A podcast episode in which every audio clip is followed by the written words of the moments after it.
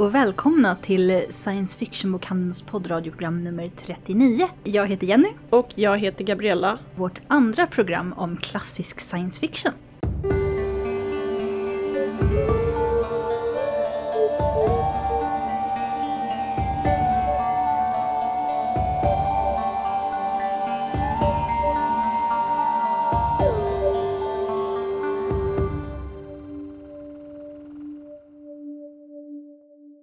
Det är jag och Mats som kommer prata om klassisk SF framförallt. Men vi har också träffat Robert Silverberg, stormästare inom science fiction. Och vi kommer få flera boktips, bland annat nerifrån Göteborg, och ett speltips från Gunilla. Sist men inte minst så har vi en tävling där man kan vinna en av Robert Silverbergs böcker. Eh, man vinner faktiskt en antikvarisk bok signerad av Robert Silverberg själv. Vi vill gärna veta vilken era eller vilken författare av dem som man kan kalla klassiker inom science fiction ni skulle vilja höra mer om. Skicka oss ett mejl till fragor sfbok.se. Märk mejlet podcasttävling och berätta, ja, vilka klassiker inom SF är ni intresserade av? Och då är ni med i en utlottning av Capricorn Games, som är en novellsamling. Men eh, då kanske vi ska ta och köra igång. Any sufficiently advanced technology is indistinguishable from magic. Arthur C. Clarke. Den tredje av Clarks science fiction-lagar. Och vad betyder dessa lagar för oss? Vad betyder Arthur C. Clarke nu när vi ska sitta här och prata science fiction-historia, Mats? Ja, den här lagen innebär ju att vetenskap, uppfinningar, teknologi har en bortre gräns någonstans där det, där det blir så totalt obegripligt så det skulle lika gärna kunna vara magi. Jag tänker kanske på kvantfysik som ju faktiskt har en stor och viktig betydelse för oss i vårt samhälle men den är ju fullständigt obegriplig för förnuftet. Man får bara liksom acceptera att jaha, då, så det verkar som man kan finnas på två ställen samtidigt och det fungerar, vad fint. Men vad är det som skiljer det från magi? Det, det, det, det är ju precis som vilken magi som helst. Fast det är teknologi. Jag tänker att det är så han menar med sitt citat. Ja, och nu går vi in i en era av science fiction då magi och vetenskap igen flyter ihop. Det började lite så i pulplitteraturen och nu tycker jag att både Marion Zimmer Bradleys Darkover-värld och de mer experimentella författarna som leker med ord och hur romanens form är och också ofta går in i gränslandet. Vi närmar oss eh, sakta men säkert hippie-eran. Ja, men vi är inte där riktigt ännu. Nej. Men, men absolut, Arthur C. Clarke, om vi håller oss till honom, han är vad vi brukar ju kalla hard SF. Han är vetenskapsman och allt han skriver är fast förankrat i vetenskapliga fakta. Och hans stil han skriver är ju, alltså det är ju ganska alltså, krattigt. Det är inget roligt språk kan man inte påstå, men hans idéer är svindlande. Det jag menar att hans idéer och vetenskapens upptäckter i den tiden, liksom 50-60-tal, är så stora att de lätt leder in i det mer poetiska. För hur ska du förklara kvantfysik om du inte själv är Einstein eller liknande? Nej. För en läsare som inte heller Nej, men är Einstein. eh, exakt, exakt. Eh, Men så här då, tänker jag. Att läsa Clark idag är, är dessutom, man ser, han är ju naturligtvis ett barn av sin tid. Alla vetenskapsmän är just män. Och det finns överhuvudtaget inga kvinnor i hans eh, romaner eller noveller. De, de, de, de är helt osynliga. Men förutsatt att man kan acceptera det, som sagt var är hans idé svindlande. Och det som är, tycker jag, väldigt intressant med Arthur C. Clarke är ju hur han också tar till sig det här mer metafysiska, kosmiska perspektivet. Alla kanske vi har sett eller hört talas om filmen 2001, Space eh, A Odyssey. Space Odyssey. Fantastisk film. Det bygger då på en novell av Clarke. Han var inblandad med Kubrick när de gjorde filmen. Men novellen är från början av Clarke och heter The Sentinel. Det Kanske 8-10 sidor på sin höjd. Och det där är då ett gäng grabbar, ett gäng män som åker runt på månen i, en liten eh, bandtraktor. Och de forskar och upptäcker saker och ting och sådär. Och det refereras till de där fruarna. De är ju hemma på jorden och oroar sig för sina män och hoppas att det ska gå bra och sådär. Och männen rakar sig, det klarar de själva. Men det, det är väl ungefär det vad det gäller det praktiska. Men de är vetenskapsmän. Och det som inträffar där på månen är ju just det här, ni vet om ni kommer ihåg från filmen, att det, det finns en monolit som det, det blänker till någonstans och vid horisonten på månen och ingenting ska blänka vid horisonten på månen för det, det, är liksom, det är bara mångrus överallt så de åker dit och tittar. Vad, vad är detta? Och då står den där monoliten där och det är den där svindelkänslan man får när man läser det där för plötsligt så blir det, det blir sådär, vad som på den tiden kallas sense of wonder. Det här finns någonting som är mycket större än oss själva. Det finns någonting från en, en urgammal civilisation har varit här före oss. Vi är inte ensamma och så vidare. Klassisk science fiction. Clark använde sig alltså av vetenskap, hård SF, för att helt plötsligt slänga sig rakt ut i kosmos som föregångare till hippie-eran, till alla som har sett 2001 vet att den är ju hur flummig som helst på slutet. Det är alla möjliga olika verkligheter som möts, färgsprakande och så vidare. Så, vidare. så att komma till punkt där, så en intressant annan sida av, av fysik Clarks författarskap. Man märker hur han har lämnat ekon, både den ikoniska monoliten som, som via Kubricks film har ju blivit en sån här grej, man vet om den, också datorn. Vi hade ja. tag bokmärken med What are you reading Dave? När jag läste Alistair Reynolds Diamond Dogs Turquoise Days som var det första av Reynolds jag läste, två novelletter, kortromaner i en bok, så stöter de på en monolit. Men det visar sig att en av personerna, det är inte första gången han kommer dit, han har återvänt till den och försöker utforska den om och om igen för han kan inte släppa detta mysterium som står på en öde måne. Mm. Om man själv kommer ihåg sitt första möte med 2001 så är det en berättelse som liksom resonerar mycket mer inuti en. Men Mats har eh, tagit med här en liten pedagogisk stapel av böcker och jag ser att du hade lagt Brendesvos with Rama där. Hur förtjänar den urvalet? Ja, men I all enkelhet Ska man läsa klassisk Clark, Rendezvous med drama? Ja, självklart. Det är en sån här typisk bok på stora grejer i rymden bok. Alltså det, vi talar här om en fem mil lång cylinder som helt plötsligt dyker upp i vårt solsystem. Och så måste vi då naturligtvis, vi på jorden, vi måste ju åka dit och titta, vad fan är det här? Vad är det för cylinder som dyker upp här fem mil? Jag tänkte säga det också, det är inte en Hollywood action, så den är inte full av onda ödlor där som vi ska slå ihjäl allihop och spränga nej. den i slutet. Nej, men precis. Nej, nej, det är ju en hel värld i en värld naturligtvis. Så den bör man läsa om man ska läsa Clark. Man kan läsa till exempel Sands of Mars. Clark gillade Mars, han var ofta på Mars, inte bara månen. Eh, och kolonialiserade hade sig och även där på Mars så är det självklart brittiska uppfinnare och vetenskapsmän som är där och fixar och grejar. Han var en av de första som verkligen på allvar började tänka just de där banorna. Mars kolonisering kan finnas mycket spännande att upptäcka där och vi gör det vetenskapligt hård SF enligt den tidens kunskap och vetskap om Mars. Det är inga ja. kanaler och ödlor. Det är ju efterdyningarna av Ray Bradburys fantasier om kanaler och allt annat. Men här blir det hard science på Mars. Sen Childhood's End som är en riktig klassiker som, som handlar om, om så kallade overlords som helt plötsligt dyker upp över varenda stad där på jorden. De är både intellektuellt och teknologiskt och militärt helt överlägsna oss människor. Men de är goda. Så, så det, det kanske eh, kan bli något bra utav det där och så vidare. Också en klassisk tidig science fiction-grej som dyker upp i varenda, nästan varenda, men i många Hollywoodfilmer nu för tiden. På tal om stora saker i rymden så har vi ett boktips från Glenn i Göteborgsbutiken som ska berätta om Larry Nivens Ringworld och sen återkommer vi. Då tänkte jag gå tillbaka till 1970 då Larry Niven kom ut med Ringworld som eh, sedan blev eh, den första av eh, ett flertal böcker i samma universum. Den här blev en del av det som man nästan kallar som en subgenre, Big Dumb Object. En av de mer kända i den genren är ju annars Rama av Arthur C. Clarke, Möte med Rama.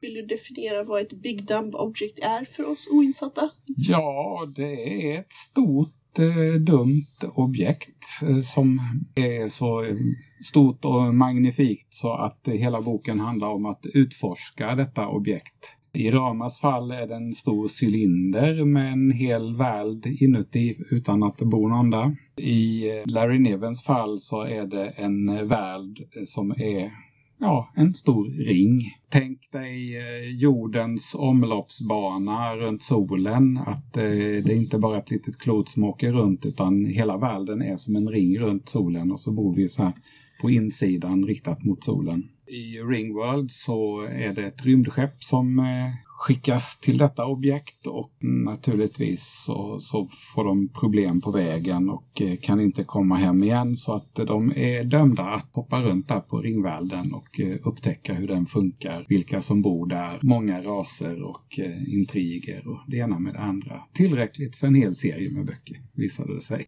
Nu är den från 70-talet. Hur bra håller den fortfarande språkmässigt och ja, idémässigt? Ja, idémässigt är det ju inga problem. Idén är ju egentligen bara att utforska ett stort märkligt objekt. Det kan man spinna på länge. Det kan man spinna på länge och det behöver inte vara särskilt eh, tidsbaserat. Nu är det väl lite färgad av sin tid och sin författare ändå, som det ofta blir av nödvändighet, men håller fortfarande att läsa funnits i tryck sedan 1970 oavbrutet. Det säger ju en del om dess kvalitet tycker jag. We live in capitalism. Its power seems inescapable. So did the divine right of kings. Any human power can be resisted and changed by human beings. Resistance and change often begin in art, and very often in our art, the art of words. Och det citatet kommer från Ursula Le Guin som vi känner väldigt varmt för här i bokhandeln. Som man hör så är det ett helt annat perspektiv på vad science fiction och vad skrivande är än Clarks vetenskap och magigräns. Le Guin kommer ju inte, kommer ifrån en annan bakgrund, alltså mer vad vi kallar de mjuka vetenskaperna eftersom hon, hennes far var antropolog och själv var hon väldigt intresserad av antropologi. Antropologi, lingvistik också ett tema som dyker upp precis, mycket i hennes precis. böcker. Det där citatet du hade där, till, hon, hon är ju väldigt mycket inne på ord, orden, vårt språks ordens makt. Antingen det handlar om trollkarlar från övärlden där namn är det som binder samman hela världen, nästan det viktigaste. Till, till eh, långa essäer hon har skrivit just om, om språkets makt och betydelse och förmåga att förändra vårt sätt att tänka och, också, och värderingar. Vi har ju en av hennes titlar eh, på en science fiction-roman som en del av den här stora Heinisch-cykeln. The word for world is forest, mm. som sammanfattar livsåsikten hos det folk som romanen handlar om kan man säga. Som då bor i en skogsbekläckt värld och blir koloniserade. Men det där citatet, du, du vill eh, Gabriella ta upp Leguins kanske mer politiska sida? Ja, jag tycker det är något som underutvecklas. Alltså science fiction började inte, skulle jag säga, som en väldigt politisk genre. Även om nu till exempel Fahrenheit 451 ofta lyfts upp i många sammanhang. Dystopierna hade ju helt klart politisk, men, men den här att man verkligen pushar för idélitteraturen och se ett annat samhälle, inte bara vårt samhälle med mer rymdskepp eller på en annan planet. Mm. Där tror jag Legin är ändå en av de stora ikonerna. Mm. Inte först, men bland de bästa. Skulle man kunna kalla henne en, en, en stillsam anarkist kanske? Ja, hennes The Dispossessed handlar ju mycket om anarkistiskt system och är väl eh, en av de minst våldsamma anarkierna. Men också en av de som verkligen funderar på hur funkar det? Hur funkar människorna? Jag tycker det är det som gör henne så bra för hon är väldigt skicklig på att skapa figurporträtt. I The Dispossessed så har vi två planeter, eller det ena är en måne till en planet. Och anarkisterna flyttade helt enkelt till den här månen frivilligt mer eller mindre. För att komma undan från det samhälle de inte gillade. Det är ett hårt liv, det är ganska karg miljö på den månen och det formar deras liv men de är ändå lyckliga. En person åker tillbaks till planeten som den första liksom ambassadören och slås av hur annorlunda allt är. Ingen av världarna framstår som perfekt utopiskt. Det är inte någon sån här väldigt förenklad grej som också brukar dyka upp i ganska många äldre berättelser eller en, en demoniserad värld. Det finns enorma mängder av jätte, jätteonda kommunister i jätte, jätteonda förtryckande världar i science fiction skrivna av glada amerikaner som aldrig har satt sin fot där och aldrig heller reflekterar över kan det vara något konstigt med vårt system? Och uh, Legin är duktig på det. Hon mm. ser både det våldsamma och det fredliga behoven hos de här olika personerna. Det är en ganska tunn, nätt liten bok och den, är, den har jättefint språk. Mm. Som gör att man, det blir inte så här, åh nu läser jag en, en tjock avhandling om politiska system, gud vad jobbigt. Man bara flyter med. Det finns en annan sida av Le Guin som jag upplever som lite drabbande. Antingen man läser någon av alla böckerna, Övärldsböckerna, eller kanske också framförallt flera av hennes noveller eller novellas, de här lite längre berättelserna. Hon har, hon har någon sorts förmåga att krypa in under skinnet, under huden på mig i sin skildring av ofta väldigt utsatta, ganska ofta barn eller unga människor som råkar illa ut. Det, det är nog lite också åt, åt, lite åt det politiska hållet där någonstans. För de är offer för krafter utanför sig själva i det politiska systemet. Hur som havet så kan man upptäcka, eftersom hon har dessutom språket, att jag kan, flera gånger upptäckt under, när jag läser Legrid att, att, att, jag, att jag faktiskt sitter och nästan gråter. För att det är så starkt och det är så drabbande det hon skriver många gånger. Så att det går, det går in i känslor också utan att på något vis vara sentimentalt eller kladdigt. Det, det är så bra. det är verkligen det jag tycker är en av hennes styrkor. Jag, jag hade svårt för att lägga in när jag var yngre för jag ville att det skulle hända mer saker i mina böcker. Folk skulle göra saker. De skulle ju gärna resa runt och hämta liksom skatter och slåss. Mycket av det som händer i hennes böcker händer på ett, ett lugnare plan och det betyder ju inte att allt är mysigt. Det är det som är lätt att blanda ihop tror jag eh, när man läser sig igenom science fiction-hyllan på biblioteket. För att det är lättare att ta till sig en bok som, vad heter han? Ja, men Stålråttans hem tyckte jag var kul då. Mm. Det är en agent i rymden och det händer grejer och det är snabba repliker. Medan Legins språk är lite stillsammare, inbjuder till mer reflektion. Men det som händer i den när man låter sig följa med i boken, det är mycket starkare. Och jag funderar över när jag läser det som vuxen, mm. man liksom vaknar till natten och tänker, men vad är det, vänta, vänta, vad var det hon sa? Vad betyder det? Har du läst också berättelserna från Orsinien och Malafrena om det här, det här fiktiva förmodat östeuropeiska land under en diktatur? Nej, det har jag inte. Jag har inte läst Nej, de är alltså bara kort. Det enda fantastiken i dem är att landet inte finns. Men jag antar att det skulle vara något, ja, något östeuropeiskt land helt enkelt. Och då, det är klart de är politiska, för det handlar mycket om, om uppror och revolution och sådana saker. Men det är personerna i novellerna och deras tankar och deras känslor som står i centrum hela tiden. Så, så, hela världen skildras med utgångspunkt från deras tankar. Och på samma sätt där så det blir drabbande på, på ett otroligt starkt sätt. Och det är ingen pamflett, det är ingenting, utan det, det, det handlar bara om människor. Det är så jäkla bra. Ja, problemet med att läsa saker som vuxen är ju att man har mindre tid mm. än när man var 13 och bara hela sommaren var att läsa. Men eh, nej, min vändning med Legin kom nog när jag läste Tehanu som är fortsättning den är efter de första övervärldsböckerna. Ja, del fyra där va? Precis, mm. och det har, hon skrev den senare, det har gått rätt mycket tid. Vi har ju inte pratat om Legin som feministisk SF-ikon än. Och eh, jag vet att hon har själv eh, diskuterat i essäer och intervjuer hur hon kände att när hon skrev Övärlden-böckerna, det var tidiga böcker för henne, att hon framställde kvinnorollerna begränsat. Hon kunde ha gjort mer med dem. Och Tehano är liksom hur hon återvänder dit. Mm. Huvudrollen är en äldre kvinna och ett traumatiserat barn. Mannen i den har blivit av med sina krafter.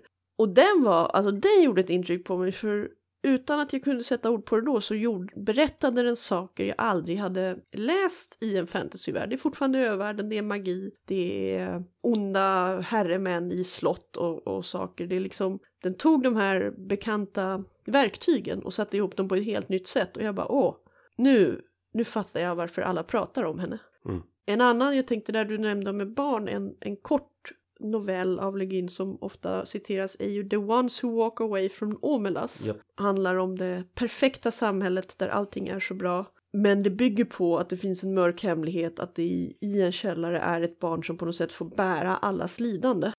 Den, den lyckas ju med konststycket att vara en helt idélitteratur. För det är inte ett samhälle som man är, det är liksom, det är inte ett realistiskt samhälle. Och samtidigt känner man så starkt när man läser den. Vilket är... Ja, den är otroligt stark. Det kan vi säga, om man vill pröva på Leguin eller kanske läs Left Hand of Darkness bara hennes noveller, lite längre men dock inte romaner, samlat i någonting som heter The Unreal and the Real. Del 1 och del 2. Del 1 är med de här som jag sa lite Orsinian Tales, lite mer realistiska, fast de är aldrig riktigt realistiska i alla fall. Och del 2 är då bland annat in the, the Ones Who Walk Away from Omelas och andra science fiction fantasy-noveller. Läs dem! Then I'd like to extend a very warm welcome to Mr. Robert Silverberg, a official grandmaster of science fiction. Thank you for taking the time to join our podcast. You're, you're welcome. I like that official grandmaster. It makes me feel much more important? Well, I think that anyone who has written as many novels as you and won as many awards and also edited uh, as many collections of science fiction stories has the right to feel pretty important. Well, I've been busy. Would you like to introduce yourselves to our listeners? Uh, we started a series about classic science fiction because we received several questions from people who said, "I'm interested in science fiction, and I, but I don't know what the roots are, where to start." And you are part of the science fiction movement in a great way. So, Well, my name is Robert Silverberg. I began reading science fiction when I was about 10, when I discovered uh, H.G. Wells and Jules Verne, and then astounding science fiction and thrilling wonder stories and all of the other gaudy magazines of that day. And when I was about 13, I thought, I can probably write this stuff. And I began writing stories and sending them to the magazines, and of course, getting them back immediately because I was 13 years old and not very skillful. But uh, after a while, I stopped getting them back. I began getting payment, and that was 1953, I think. That's a long time ago. That's 64 years ago. that is 64 years ago. And uh, I have been a professional science fiction writer ever since. I don't write anymore. I'm 82 years old, and I've decided I've done enough work. It's not that I can't write anymore. I don't want to. I don't feel like it. But uh, I do. When someone says, uh, "What What do you do in life?" I say, "I wrote or I write science fiction," which reminds me of a story. That's what things do for me. They remind me of stories.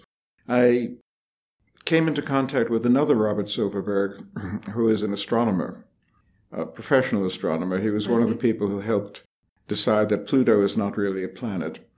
And we had a little correspondence by email, and I said to him, Do people ever ask you if you write science fiction?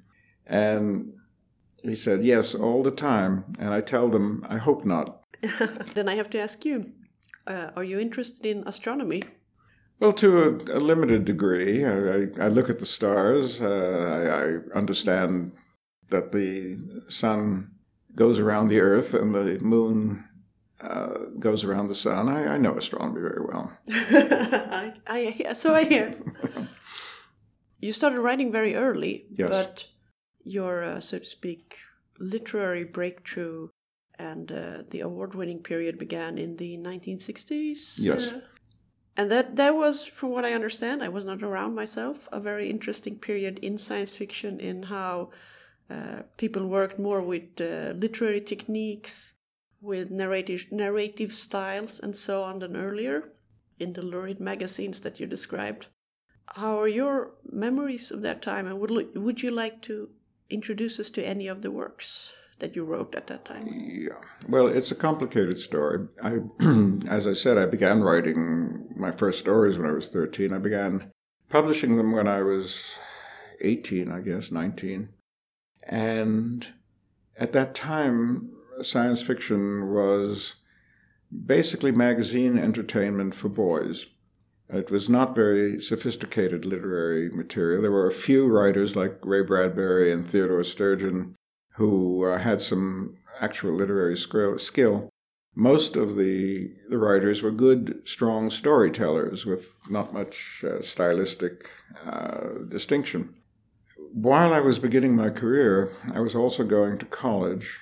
I went to Columbia University, and I had a very fine classical education, which provided a kind of uh, schizoid life for myself because, on the one hand, I'd be reading uh, James Joyce and Thomas Mann and uh, uh, Aeschylus and Sophocles, and on the other, I'd be writing stories for pulp magazines with names like Startling Stories and, and Astounding Science Fiction. But uh, when I'd been writing professionally for, I guess, 15 years, the old rigid requirements of telling simple stories in simple prose began to break down. Some of the editors were more tolerant of literary experimentation, and that gave me the opportunity to uh, use my familiarity with world literature and my skills with words to the fullest extent of my capacity. Other writers who came in at that time, like Roger Zelazny and Samuel R. Delaney, uh, did not have to serve an apprenticeship in those early crude magazines, but I, I did. However, I outlasted that time.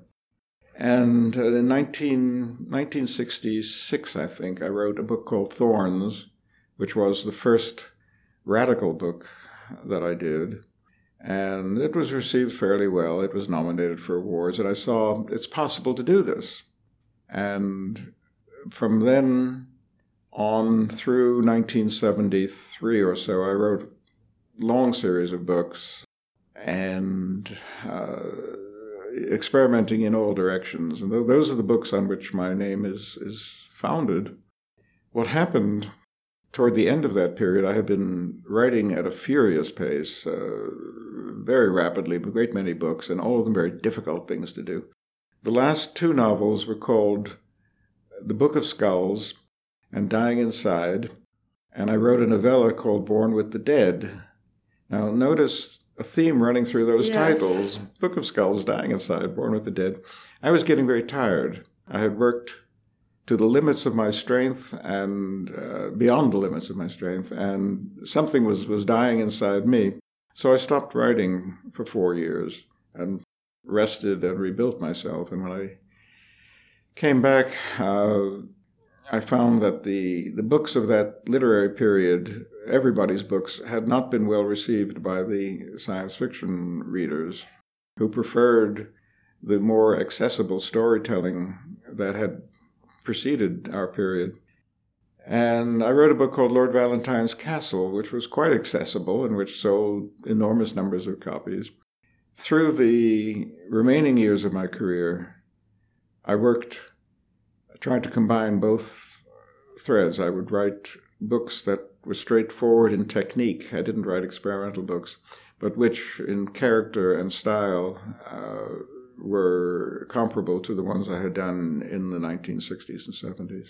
I think that is something that many writers today are trying to do, where we see different uh, space operas and stories that are written on several levels. A simple mm-hmm. adventure story, but with depth.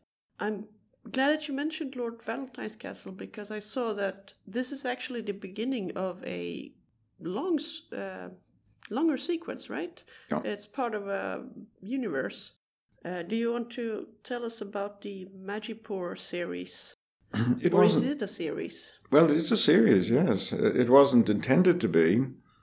One day, after almost five years of not writing, an idea came to me. I, I, live in California and I spend a lot of my time outdoors, and I was in the garden lying near the swimming pool. And into my mind came the title, Lord Valentine's Castle, out of nowhere. And I sat there thinking, well, who is Lord Valentine? What's the castle? And before I knew it, an entire vast novel was taking shape in my mind. And I said to myself, it's now time to begin writing again because this book has begun to construct itself in my mind. So I called my agent and I said, I'm coming out of retirement. And he got me a publishing deal. There, there was an auction, number of publishers bid for the book. It was very eagerly desired after I'm, my, my return after my, my exile.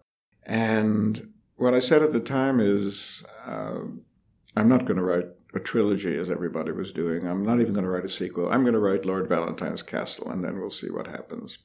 And I wrote Lord Valentine's Castle, and it was a great success, and it's still a great success. Uh, just yesterday, I was discussing its publication in China with a Chinese publisher. And I had resolved the, the, the story situation in Lord Valentine's Castle. There, there was a, a, a war, a civil war, uh, and uh, it was apparently resolved. But I found myself asking myself, what happens next? And suddenly I knew what happened next, and so I wrote the second book. And I wrote some short stories, and then I wrote three more books, and there, there was a series, but it, it, wasn't my plan at the beginning. No, and it's uh, I saw it described as a planetary romance uh, series. Yeah, which uh, where the world is the the center of all the, all the books. Yes, uh, Majapur is an enormous planet with a benign climate it's like a giant India, perhaps, or a giant California. And it has all manner of plants and animals and creatures. I enjoyed in, in the later books, there were three later books years later, traveling all over the planet, discovering new parts that I didn't know existed until I wrote about them. And but the the original uh, outline that I wrote for the book the day that it all came to me called said the book is going to be a magical mystery tour. Uh, I hope these words still mean something to. Uh, uh, well, I've I've uh, only encountered them in other books, but I've. Well, ma- magical mystery tour refers to the Beatles. Ah. And it's getting late in history for the Beatles, but I hope people still remember them. I, I they have many fans still. I'm just bad at, at music history. But of course, in in 1981, uh, when I conceived Lord Valentine's Castle, Magical Mystery Tour immediately had reference. So that's what I wrote. I wrote a magical mystery tour. It took took people all around this giant planet, and it was so big a place that whenever I needed a new place, well, it was available. That's wonderful. Another theme that you've uh, worked a lot with in several of your novels is time travel, right? Right. And uh, what fascinates you about time travel? The uh, first or second science fiction book I read was H.G. Wells' The Time Travelers. The, the Time Machine. The Time. Machine, yeah. yes. And the book overwhelmed me.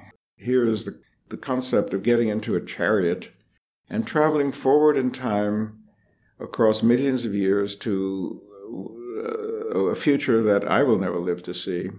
And I thought, this is what science fiction, which I didn't know the word science fiction, but this is what this kind of stuff is all about. It, it's a vision of a future that you will not otherwise get to see. And when I began reading science fiction wherever I could find it, what I particularly sought out was books of the far future, books of time travel. There is a freedom in time travel stories. You you can explore all the the eras to come uh, simply by pushing a button. And I wrote that story again and again. But I've also had an interest in history and prehistory. I was a small boy looking at dinosaurs, as every small boy does. And so time travel goes in two directions. And I, I wrote that too. One of the earliest books I read was a now forgotten story by a now forgotten writer, John Taine, Before the Dawn, about going back to look at dinosaurs. So it always gripped my imagination as nothing else in science fiction did, and I wrote many time travel stories.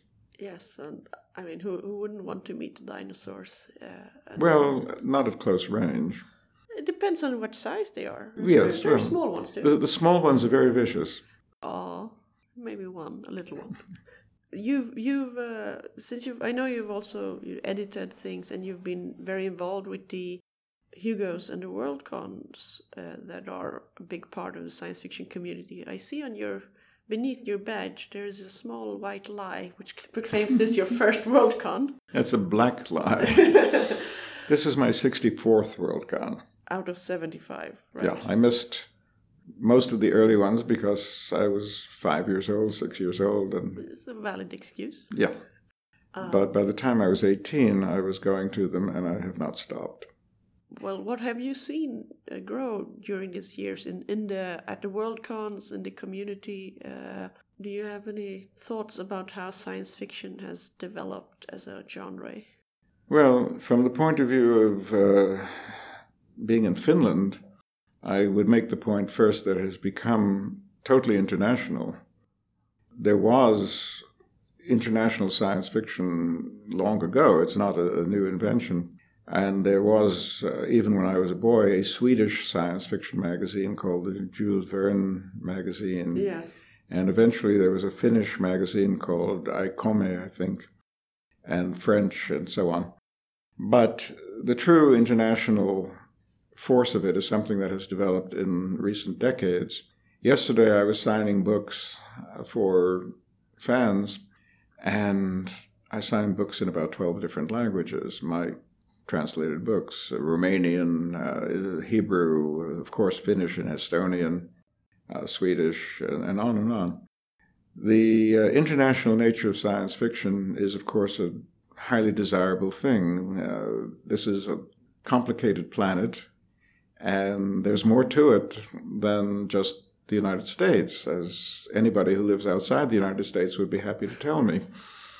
The early World Cons, the, the World Science Fiction Conventions, though they were called World Cons, uh, took place all in the United States until the ninth or tenth one, which went as far as Toronto, Canada, which is about 100 miles across the border from the United States. It didn't get out of North America until 1957. But now they go all over the place. Uh, we've been to Japan and, and uh, the Netherlands, and now Ireland is coming up, and, Yes. uh, and on and on and on. It's a true, a true world con. Yes, I saw there's there has at this WorldCon been both tables for a New Zealand bid to host it and then a France and a, a Chinese table. I don't think they're applying to host WorldCon yet, but they're Yeah. trying to bring people to Chengdu. The, Chengdu, well- apparently the, the science fiction uh, capital of China, uh, according Yeah. to them. well, also, the food in Chengdu is the spiciest food in, in China. And where I live in California, we have a restaurant called Chengdu, and I eat there all the time. I love the food. So if they have a convention, I'll go. Along with this globalization of science fiction has come a tremendous expansion. It really was a small village. When I, when I went to my first uh, World Convention, there were about 800 people. Uh, and immediately I got to make lifelong friendships. I got to know everybody. Uh, now it's impossible. Uh, the, the, the science fiction world is too big. I have my little group of friends, uh, those who, who survived from long ago. That's one of the difficulties of longevity. I've lost a great many friends along the way. But uh, it's no longer possible for me to know even a, a fraction of, of the readership or the writers. no. Uh, a couple of years ago, I was at a convention in London. I went to a party of writers, and there were, oh, 150 or 200 in the room, and I knew about five of them. They all knew me because I've been around forever, but I felt very uh, strange in that group. Time was when I would know everybody in the room and know them well. It's a it's a change and another sort of time travel, Yes. Well, I've, traveling through life. I've been traveling through time at a rate of one second per second for more than 80 years now. if you look back at, at what you thought or hoped for science fiction to become and how how far has it gone into that direction and where do you um, so far as you're caught up where do you still see that it's it's lacking where should we uh, or where should everyone who hopes to become a writer discover more Well, now there are five or six or seven different kinds of science fiction. The uh, the literary science fiction and the space adventure and the military science fiction and the feminist science fiction and so on and so forth. It has developed far beyond what I ever expected in size and in method, but the kind of science fiction that I read originally and loved and wrote is still here many things surround it now. Uh, the movies have had a tremendous impact yes uh, television. Uh, gaming has had its impact. And uh, I, I, I make no attempt now to understand anything. I just stroll through and say, I, I, I, I've been here for a long time. I see. Then I will uh, wrap this up by asking you. Actually, I'd like to ask for two recommendations. If one wants to start reading Robert Silverberg, what should one read? And uh, would you like to recommend another science fiction book, old or new, anything that you think this is what you should read? hmm Well, as for reading Robert Silverberg, those who are interested in the color and sweep of science fiction should read Lord Valentine's Castle, I think, as a first attempt. Those who are more interested in the literary side of science fiction should read Dying Inside, which now takes place actually in the past because the book is 45 years old. But it's a story uh, based on character. rather than adventure. So they're different kinds of books and they have different things to offer different readers. As for where somebody else should start, I would say start where I did with H.G. Wells. He wrote more than a hundred years ago, and he was the one who invented the time travel story, the invasion from Mars story. He's the father of us all. And I've read Wells in recent times, and he's still good. Yes, and we discussed him in the previous episode of our little classical science fiction series, which will be linked from this one, if you want to hear my and Matt's opinions on H.G. Wells and also the other founding uh, writers of science fiction. So, thank you so much for this interview, uh, and uh, well, thank you for all the books. Well, you're welcome. I I wrote them for me, but I also wrote them for you.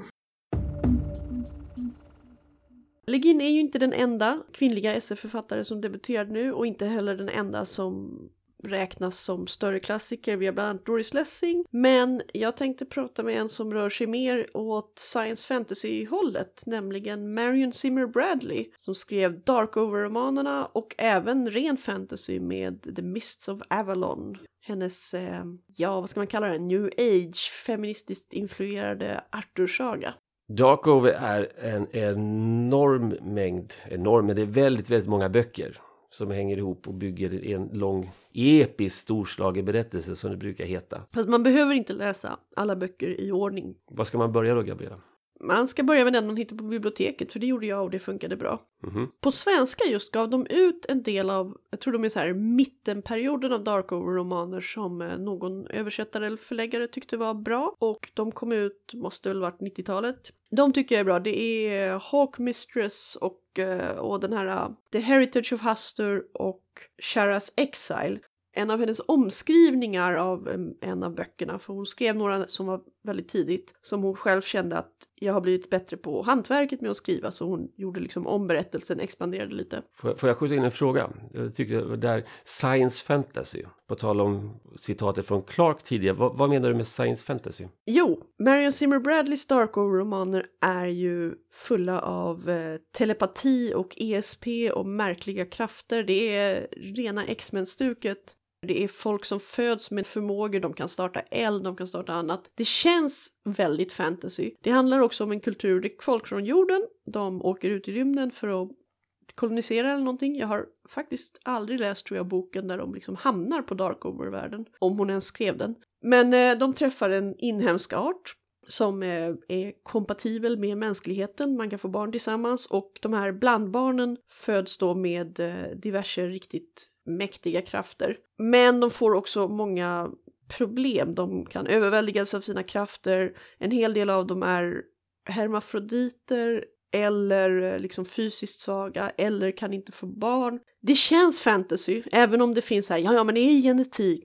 När vi kommer in i huvudhandlingen, eh, i de, de, där de flesta böcker utspelar sig, så har människorna mer eller mindre glömt att de kom från jorden eller allting är bara myter och du har diverse stora adelshus som avlar fram eh, krafter för att bli bättre och bättre. Sen i slutet av, av cykeln så kom, återupptas kontakten med jorden. Det är storslaget och det är svulstigt.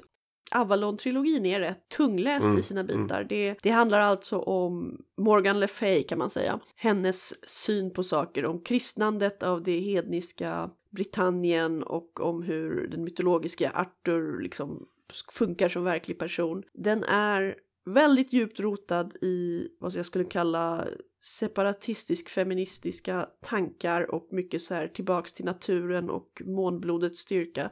Så jag har lite svårt för den nu, men den var också en av de här episka fantasyromanerna med många kvinnor i huvudrollen som jag slukade. Jag måste ha läst den där tre, fyra gånger rakt igenom. Många böcker har sin tid och sin plats för läsaren.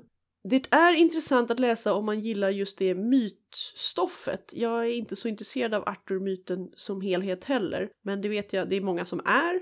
Om man till exempel gillar Guy Gabriel Case Fiona Var-svit så de liksom angriper samma idé på väldigt olika sätt. Så, nu kommer vi göra ett litet tidshopp igen för Jenny från Göteborg har tipsat om James Tiptree Jr som man absolut ska läsa.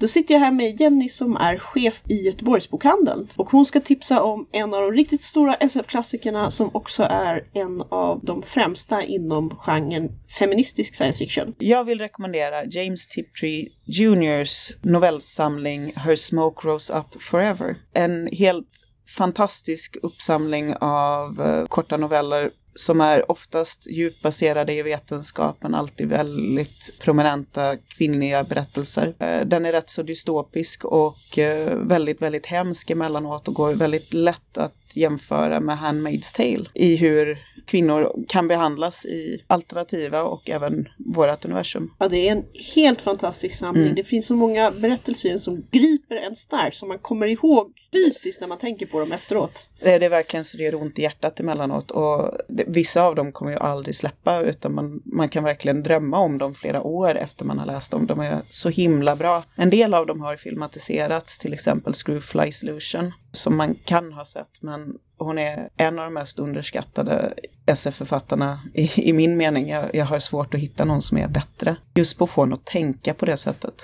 Det är även efter henne, eller hennes pseudonym då, mm. det manliga pseudonymet som hon använde ett tag för att publicera mm. och få erkännande. Som eh, Tiptree-priset är uppkallat. Mm. Som varje år delas ut till science fiction, eller fantastik snarare, serier, böcker, noveller med hbtq och eh, genustänk. Mm. Ifall man har ett science fiction-intresse så är detta nästan en av de sakerna man måste läsa. Åtminstone lika mycket som Dune eller eller Highline eller liknande. Helt genreskapande. Vill du berätta om några av dina favoritnoveller? Du nämnde The Screwfly Solution. Ja, det är ju en av mina absoluta favoriter där också. Den handlar om eh, genmanipulerade virus som sprids genom mänskligheten och gör oss våldsamma mot varandra. Framförallt den manliga ja. halvan av befolkningen. Den manliga halvan av befolkningen är det det drabbar. Kvinnorna drabbas inte. De bara drabbas av effekterna.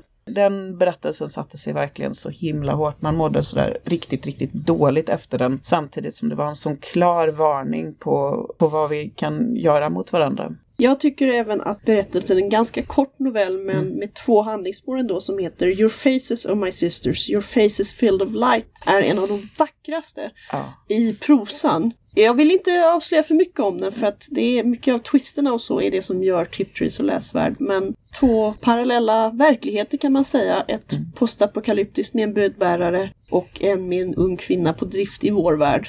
Otroligt välskriven. Även av intresse för alla som gillar cyberpunk och så framförallt så är den ganska långa novellen A Girl Who Was Plugged In som handlar om nästan virtuella kändisar. Tänk Idoru eller Hatsune Miku i vår verklighet. Men där det finns en riktig person bakom som fyller upp den här hologramkändisen med lite personlighet. Och hur de pluggar in en ung kvinna med en inte konventionellt vacker kropp för att skapa den perfekta bilden och liksom ladda ner henne i idolen. Väldigt skarp samhällskritik. Man märker spår av den i andra senare berättelser, helt klart. Ja, hon har ju inspirerat så mycket andra människor senare. Det, man finner spår av henne i, i väldigt mycket framöver. Så fall ni inte har läst den här, gör det. Det är verkligen ja, helt genreskapande.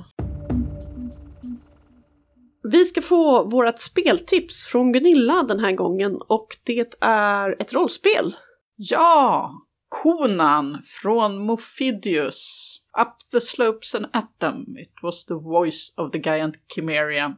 Det här är långt ifrån det första Konan-rollspelet som har getts ut. Det kom ett redan på 80-talet. Mest handlar det om att man har stora svärd och stora klubbor och stora yxor och långa spjut och inte så mycket kläder på sig och nedgör monster och mer eller mindre ärofulla eller ärelösa fiender och kämpar mot onda nekromantiker som försöker genomföra sina slema intriger. Och det är rätt eh, baserat på Robert E. Howards Conan-romaner eller är det Ja, det är baserat på hans romaner och noveller kan man säga. Ja, så ingen Arnie-film. Ja, men Arnie-filmen är ju den som alla då har i huvudet, så naturligtvis blir det ju baserat på det när man spelar i viss mån. Och det är pulpigt och cheesy, med den här speciella glädjen att man inte behöver tänka så mycket. Det här är ju en spelvärld och med handlingar som inte kräver så mycket av de små rollfigurerna. Det förväntas faktiskt inte att de ska vara några genier. Ibland vill man ha det så. Bara ut och monsterslakta. Vad är det för spelsystem? Hur mycket måste man tänka när man sitter och räknar pluppar? Ja, det är inte helt friform om vi säger så. Det kallas 2D20 Mofidius system. Det är samma som de använder i sitt Star Trek-spel bland annat. Och det har fördelen här att man får en bra bakgrund från vilken del av världen man kommer ifrån och lite grann hur, vad man har för förflutet. Och det är ett rätt så enkelt system om man är van att spela rollspel. Det är inte sådär busenkelt, men det är ändå inte så komplicerat så att det stoppar upp handlingen. Nej, så om man känner för lite klassiskt pulpigt barbaräventyr, då är det Conan-rollspelet man ska titta efter på våra hyllor. Ja, jag tycker att det är ett bra val.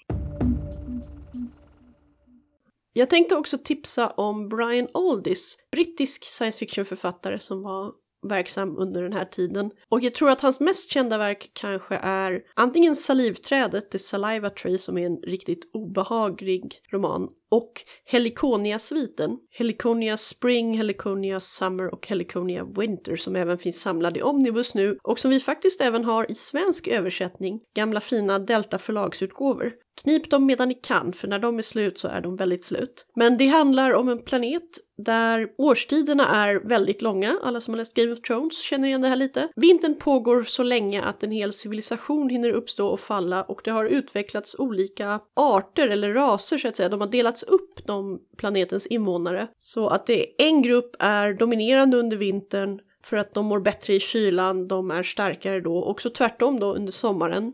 Och det vi följer är den här planeten Helikonias långa, långa hundraåriga sommar-vintercykel. En annan av hans böcker som jag tycker är väldigt intressant, som på svenska hette Evigheten väntar och på engelska hade titeln Galaxies like grains of sand, är en samling noveller som kommer i kronologisk ordning. Vi börjar i en nära framtid och sen fortsätter den miljontals år fram i tiden. Det är en obehaglig novellsamling på många sätt. Den har en underton av någonting antingen dystert eller liksom störande när man läser den. Jag tycker ofta att Aldi skriver intressant men inte så här att man blir berörd, åh vad fint det är, utan mer att man känner sig lite rubbad i, i sin eh, uppfattning av världen, lite osäkergjord. Jag har bara läst den på svenska, men eh, även där är den väldigt uttryck och förmodligen lättare att jaga rätt på på engelska. Det var alltså allt från oss den här gången. Glöm inte att delta i vår tävling och ha chansen att vinna en vintagebok av Robert Silverberg. Bara skicka in era förslag på vilka klassiker ni är intresserade av till fragor.sfbok.se. Och nästa gång kommer vi ha en live livepodd. Vi kommer faktiskt medverka på Vetenskapsfestivalen i Göteborg. 18 april kommer vi vara där i Nordstan. Ja, stora köpcentret helt enkelt. Under Vetenskapsfestivalen, som pågår en hel vecka, så kommer det också vara andra event, såklart i hela Göteborg, men även i bokhandeln och i Café Sirius i Göteborg. Är ni i trakterna av Göteborg omkring den 18 april, kika gärna på vår hemsida eller vetenskapsfestivalen.se. Det är ett riktigt fullmatat program. Och om ni är i Göteborg, kom och lyssna på oss live. Det finns listat i vår kalender och på Facebook också, men det är lättast att hitta via vår hemsida sfbok.se. Vi hoppas vi syns där och kan inte komma så kommer det såklart spelas in och dyka upp här på podden sen. Vi hörs i april!